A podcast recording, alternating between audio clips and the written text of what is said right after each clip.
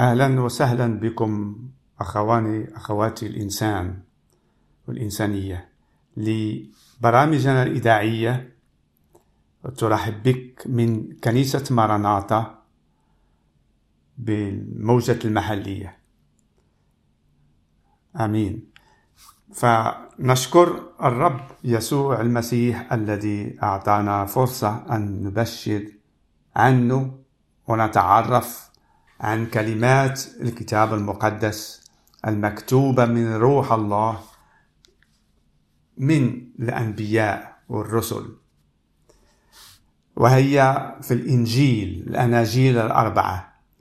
اليوم أحب أن نتكلم أو نقرأ عفوا من الإنجيل متى.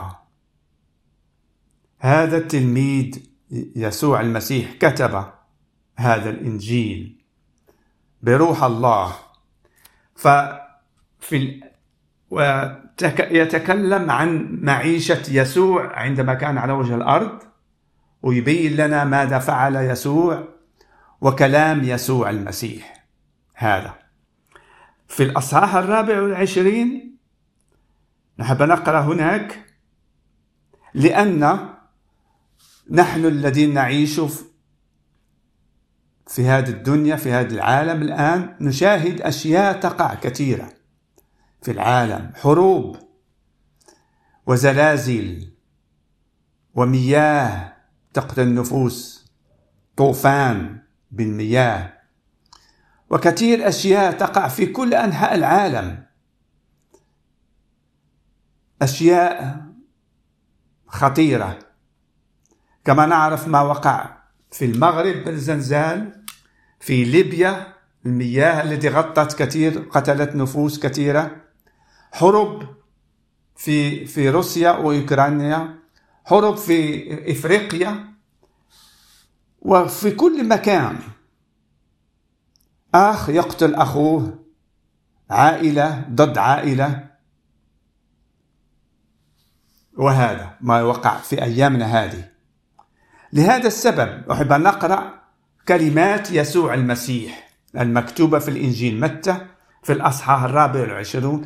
لكأن نفهم ما هو مكتوب ونحن المؤمنين بالرب يسوع المسيح عارفين في الكتاب المقدس فيه نبوة عن كل الحياة إلى نهايتها. مكتوبة هنا. مكتوبة لكي نتعرف عنها وكي لا نكون في فجأة على ما يوقع لنا في في حياتنا هي كلها مكتوبة. ولنا فرصة ندرسها مع بعضنا. وهذا الذي نعمله الآن ندرس مع بعضنا الكلمة لنتعرف ماذا قال يسوع. هاد يسوع المسيح يسوع الناصري الذي أتى من روح الله في بطن مريم. إنسان أبوه سماوي. نعم الآن أقرأ. من متى؟ الأصحاح الرابع والعشرون مكتوب هكذا. ثم خرج يسوع ومضى من الهيكل. فتقدم تلاميذه لكي يروه. أبنية الهيكل. فقال لهم يسوع أما تنظرون جميع هذه؟ الحق أقول لكم إنه لا يترك ها هنا حجر على حجر لا ينقض. هنا يتكلم عن بناية الضخمة من الملك.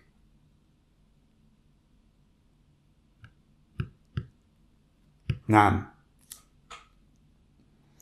وفيما هو جالس على جبل الزيتون تقدم إليه التلاميذ على انفراد قائلين قل لنا متى يكون هذا وما هي علامة مجيئك وانقضاء الظهر؟ سؤال مهم كثير لأن التلاميذ كانوا مع الرب يسوع المسيح مدة أكثر من حوالي ثلاث سنوات وتعلموا منه وكان هو معلمهم. وهم تلاميذ يسوع المسيح. شافوا كل الأشياء الذي يفعل حق وعلى أن يسوع المسيح مع الله. وكل ما يعمل يسوع المسيح هو كإله. يقيم موتى يشفي الناس ويتحنن عن نفوس كثيرة التي كانت تأتي إليه, ليأخذوا غفران ليأخذوا شفاء. نعم. لهذا التلاميذ فهموا على أنه أتى لكأن يخلص العالم.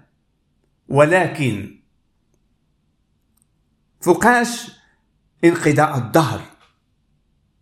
سؤال عظيم كثير طرحوه ليسوع المسيح. وهنا نشاهد الرب يسوع المسيح ماذا بأي طريقة يجاوبهم. وقال في من الآية ربعة كما هو مكتوب فأجاب يسوع وقال لهم انظروا لا يضلكم أحد فإن كثيرين سيأتون باسمي. قائلين أنا هو المسيح ويضلون كثيرين. نعرف الرب يسوع المسيح أتى من نسل يهوذا إسرائيل وهو يتكلم مع هذا التلاميذ الذي هم معزولين من شعب إسرائيل من شعب الله. لهذا يقول لهم عن على كثيرين سيأتي يأتون باسم قائلين أنا هو المسيح لأن مكتوب في العهد القديم على أن المسيح سوف يأتي. تنبأ الأنبياء منذ أكثر من 400 سنة. من بداية آدم كانت نبوة عن المسيح سوف يأتي. وهذا شيء عظيم الواحد يفهمه. عندما يقرأ الكتاب العهد القديم يعرف على أن نبوة عن المسيح وهذا يقول لهم شعب الله كانوا يتسنوا المسيح. وهم حتى الآن ولو أنه أتى ما ما تقوش به ما آمنوش به بل هم كانت أفكارهم أفكار شعب الله على أن عندما المسيح يأتي سوف ينقذهم من قوة الرومان المحتلين البلد وهو سوف يأتي بعظمة ولكن يسوع المسيح أتى بطريقة مولود من عائلة ضعيفة فقيرة. كما هو مكتوب في إشعياء على أنه كان يعيش كما كان إنسان لا يحب يشوفه لأنه كان ضعيف ولكن كانت فيه داخل قوة الله.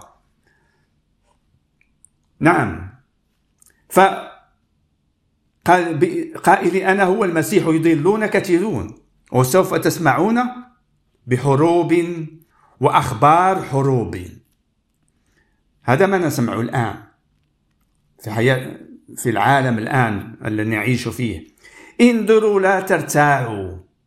هاليلويا. هذه كلمة عظيمة ليقول التلاميذ. انظروا لا ترتاعوا. للمؤمن به بيسوع المسيح لا يرتع لأنه هو لم سوف يدان لأن وقت أوجاع ولكن لم يلمس المؤمن لأن المؤمن يعيش للرب يسوع المسيح. أعطى حياته ليه كما الرب يسوع أعطى حياته لغفران حياة الإنسان. والمؤمن بيسوع المسيح لا يرتاع لأنه لا بد أن تكون هذه كلها يقول ولكن ليس المنتهى بعد. يعني ولو كل هذه الأوجاع نعرف عندما نقول الأوجاع ف يرجع فكرنا عن المرأة الحاملة واللي يجيها الأوجاع لكي أن تولد. فالأوجاع بدأت. الحروب والأخبار الحروب زنازل وكل هذه الأشياء. ولكن هذا ماشي هو المنتهى عندما يقع كل هذه الأشياء.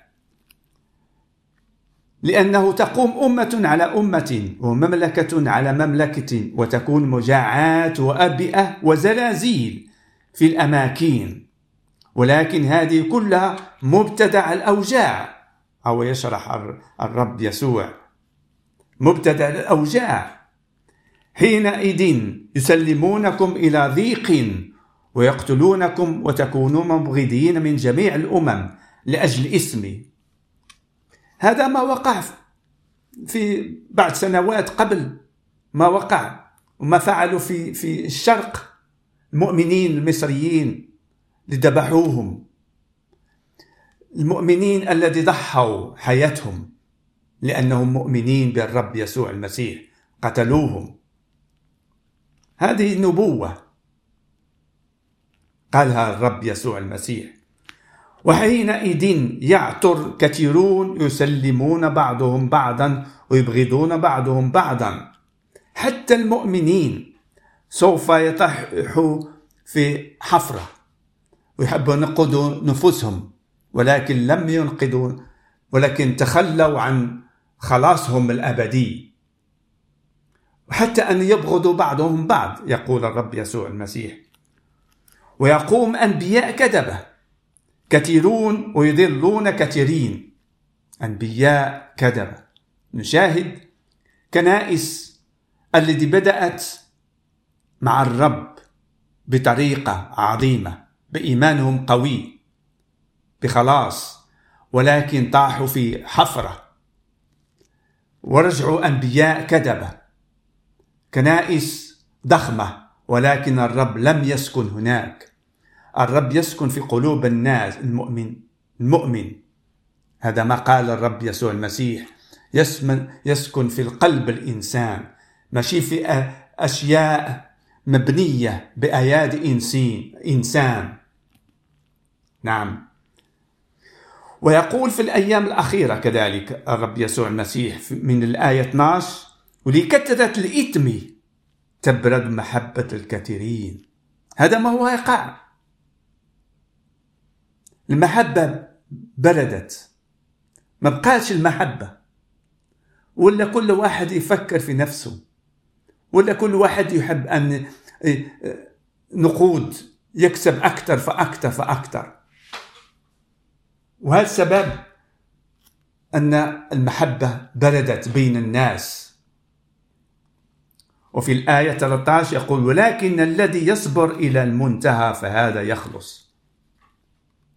هنا يتكلم عن المؤمن أن يصبر في المشاكل الحياة أن يصبر لأجل إيمانه بالرب يسوع المسيح. الذي يصبر إلى المنتهى سوف يخلص سوف يشوف سوف ينال إكليل من عند يد الرب يسوع المسيح وسوف يكون من الذين يكسبوا الحياة السماوية ويعيشوا معاه ويسوع يكون ملكهم إلى الأبد عند مجيئه مرة ثانية ولكن في الآية 14 يقول ويكرز ببشارة ملكوت هذه في كل المسكونة شهادة لجميع الأمم ثم يأتي المنتهى. هنا نفهم كلام الرب يسوع المسيح. نعرف على أن نهاية كل شيء إلا الآب الله يعرفها. الوقت بالضبط النهار في الساعة في الدقيقة التي سوف تكون نهاية هذه الدنيا. فقط الله الذي يعرفها. حتى الإبن يسوع المسيح ما عرفش الوقت ولكن يعطينا نبوة يبين لنا في هذه الكلمة. اللي قرأناها على أن عندما يكرس ببشارة ملكوت هذه في كل المسكونة في كل العالم شهادة لجميع الأمم ثم يأتي المنتهى. لأن الإنسان الذي يسمع كلام الرب الإنجيل يسمع عن ملكوت السماوات على المخلص يسوع المسيح الذي سفك دمه على الصليب لأجل يعطي ثمن ثمن للعالم خطيته خطية العالم كلها أعطى حياته هذا. وهناك نشاهد على أن يسوع المسيح هذا هو الإله الذي أخذ جسد إنسان وعاش حولنا. هو الوحيد الذي عاش على وجه الأرض بلا بلا خطية. لهذا السبب أخذ خطية العالم في جسده. كما هو مكتوب. وصلب على الصليب بطريقة الرومان في تلك الوقت. صليب العار. حمل عارنا حمل كل خطايتنا. هاللويا وسفك دمه دمه التمين دمه اللي ما عندوش حد ثمنه آه، سفك لأجلك أنت وإلي ولجميع المؤمنين. الذين قبلوا الرب سوف تكون غفران. وهي غفران. إلى الأبد. عند إيمانك بالرب يسوع المسيح. هنا يأتي المنتهى. عندما يكرز بيسوع المسيح في كل مكان سوف الكرازة هذه للغير المؤمن سوف هي التي سوف تدينه.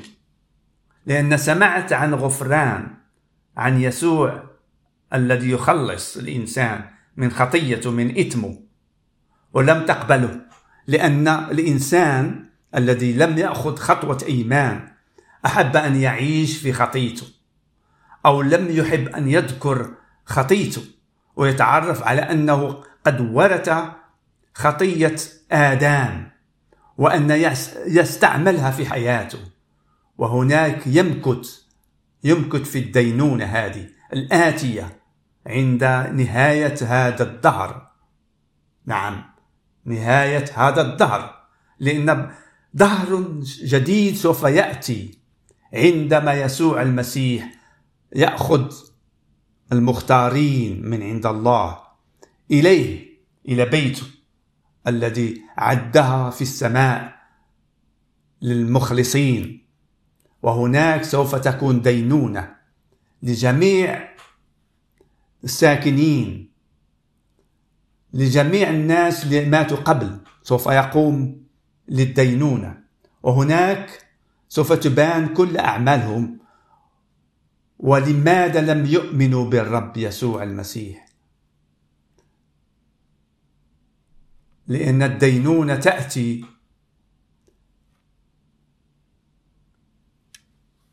على جميع الناس.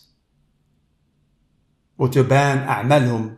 أم كانت في نور أو في ظلمة. فهذه فرصة عظيمة التي نحن نبشر بها. ونطلبكم أن تأتوا أن تخلصوا وتتعرفوا عن يسوع. هذا المخلص أن تنقذوا نفوسكم. كما نعرف الإنسان يموت. إن مكث في خطيته سوف ي... سوف خطيته تدينه ولكن إن قبل الخلاص بيسوع المسيح قد محت كل خطاياته. ولم يدن سوف يرحل إلى السماوات. بلا دينونة. وهذا هو ما مكتوب لنا في في الكتاب المقدس. هاليلويا. فرصة عظيمة أن نسمع إلى هذه الكلمة العظيمة من عند الرب يسوع المسيح لنفهم أيامنا الأخيرة نعيش فيها نحن الآن. وعن قريب كما قال الرب عن قريب سوف يأتي. ونحن نعيش في أيام الأخيرة. كما هي مكتوب في الكتاب المقدس كما هو الرب يسوع. تكلم لأن كل كلمة كل حرف قالها الرب يسوع المسيح سوف تكون. لأن الله هو الذي تكلم. هذا الإله الذي خلق السماوات والأرض نجوم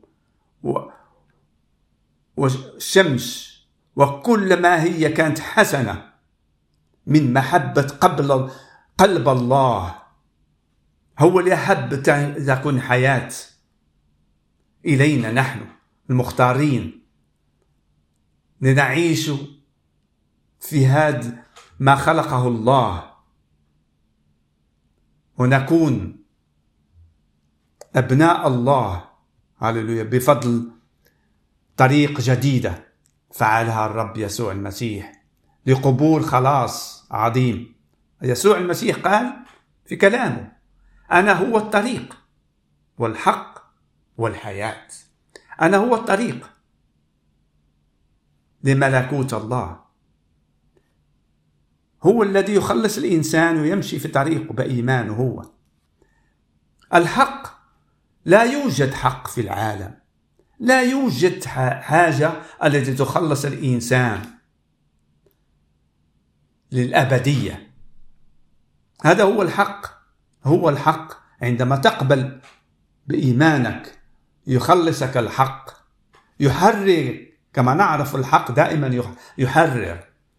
فيسوع هو الحق. يحررك من العبودية. عبودية آه، الخطية. ويحررك. نعم يحررك. ويجعلك أن تكون ابن الله. هللويا. ويقول كذلك أنا هو الحياة. نعم. ما كاينش حياة أخرى بعد. حياة التي تعطينا. حياة مع الله. شركة مع الله. التي تعطينا علاقة دائمة مع الله. إلى الأبد. كما من البداية كانت لآدم. هذا ما الرب يقول أنا هو الحياة. لأن الحياة هي التي تجعلنا نعيش ونتكلم ونمشي. نعم ولكن هو يتكلم عن حياة أخرى. الحياة التي هي من الموت إلى ال إلى ال من الموت إلى الحياة. يتكلم عن هذه العلاقة الجديدة مع الله. الأبدية المعطى بالرب يسوع المسيح الذي بدايتها بإيمانك وهي لما عندهاش ما عندهاش نهاية هذا الحياة. هاليلويا المجد والرب ليسوع المسيح. المعظم الممجد في السماوات الذي جعل قلب الله يفرح إلى الأبد. لأن الله يحب الإنسان وأحب أن يخلصه وأخلصه بابن الوحيد. كما مكتوب في الإنجيل يوحنا الأصحاح ثلاثة والآية 16 تقول هكذا هكذا أحب الله العالم حتى بدل ابنه الوحيد حتى أن كل من يؤمن به لا يخزى بل ينال حياة أبدية. أخي وأختي أخي الإنساني أختي الإنسانية. أقبل كلام الرب يسوع المسيح. تعرف عن يسوع المسيح بقراءتك من الكتاب المقدس. والرب يوحى عليك بروح القدوس ويعطيك برهان ومعرفة عن الحياة المعطى بيسوع المسيح هذا. هللويا. نعم. نحب نقرأ كذلك بعد كلمات من من الرسول. يوحنا هذا اللي كان في سجن في بطمس. ووحى عليه الله على كل ما هو سوف يكون في أيام الأخيرة. وبين له شاهد شيء عظيم. وهي مكتوبة في رؤية يوحنا وفي الأصحاح خمسة. حاب أن انتهي بهذه القراءة بالرب يسوع المسيح. وهو مكتوب هكذا كما كتب لنا يوحنا اللاهوتي في الأصحاح الخامس هكذا ورأيت على اليمين الجالس على العرش سفرا مكتوبا من داخل ومن وراء مختوما بسبعة ختوم. ورأيت ملاكا قويا ينادي بصوت عظيم. نعرف أن هذا السفر المكتوب مكتوب على كل ما سوف يقع في أيام الأخيرة. وهو مختوم بسبعة ختوم. وكل ختمة تفتح تقع يوقع شيء. وهذا علانية على ويقول ورأيت ملاكا قويا ينادي بصوت عظيم. من هو مستحق أن يفتح السفرة؟ ويفك ختمه. هذه السبعة. فلم يستطيع أحد في السماء ولا على الأرض ولا تحت الأرض أن يفتح السفرة ولا أن ينظر إليه. فصرت أنا أبكي كثيرا لأنه لم يوجد أحد مستحقا أن يفتح السفر ويقرأه ولا أن ينظر إليه. فقال لي واحد من الشيوخ لا تبكي هو ذا قد غلب الأسد الذي من سبط يهوذا. أصل داوود ليفتح سفر يف ويفك ختومه السبعة آمين. هنا أحب أن أقول أنه هو يسوع المسيح هذا. الذي هو جاء من أسد من سبط يهوذا هو من سبط يهوذا من أصل داوود. الأنبياء هذا المختارين من عند الله. هذا فتح سفر ويفك ختومه السبعة. هذا عمل نهاية للعالم. وبه سوف تدان لأنه كان قادر أن يفتح يأخذ السفر من يد الله الجالس على العرش عن عرشه العظيم. وفتحه لأنه كان قادر لأنه قد انتصر. انتصارا كاملا عن الإبليس وأرواحه وعن سلطة الإبليس في الصليب لأنه قام من الأموات. لكأن يعطي حياة لكل من يؤمن به ويتعرف عليه. وأحب الإنسان إلى المنتهى ليكون ولد لله في الأبد مع الله في نوره في عظمته. هللويا المجد والبركة ليسوع المسيح الذي فتح هذا هذا السفر سفر المكتوب. من داخل من وراء مختوما بسبعة ختوم. هللويا المجد إليك يا يسوع المسيح. لأعطيتنا حياة. هللويا المجد يا يسوع لك. شكرا على سمع كلمات هذه كلمات الحياة.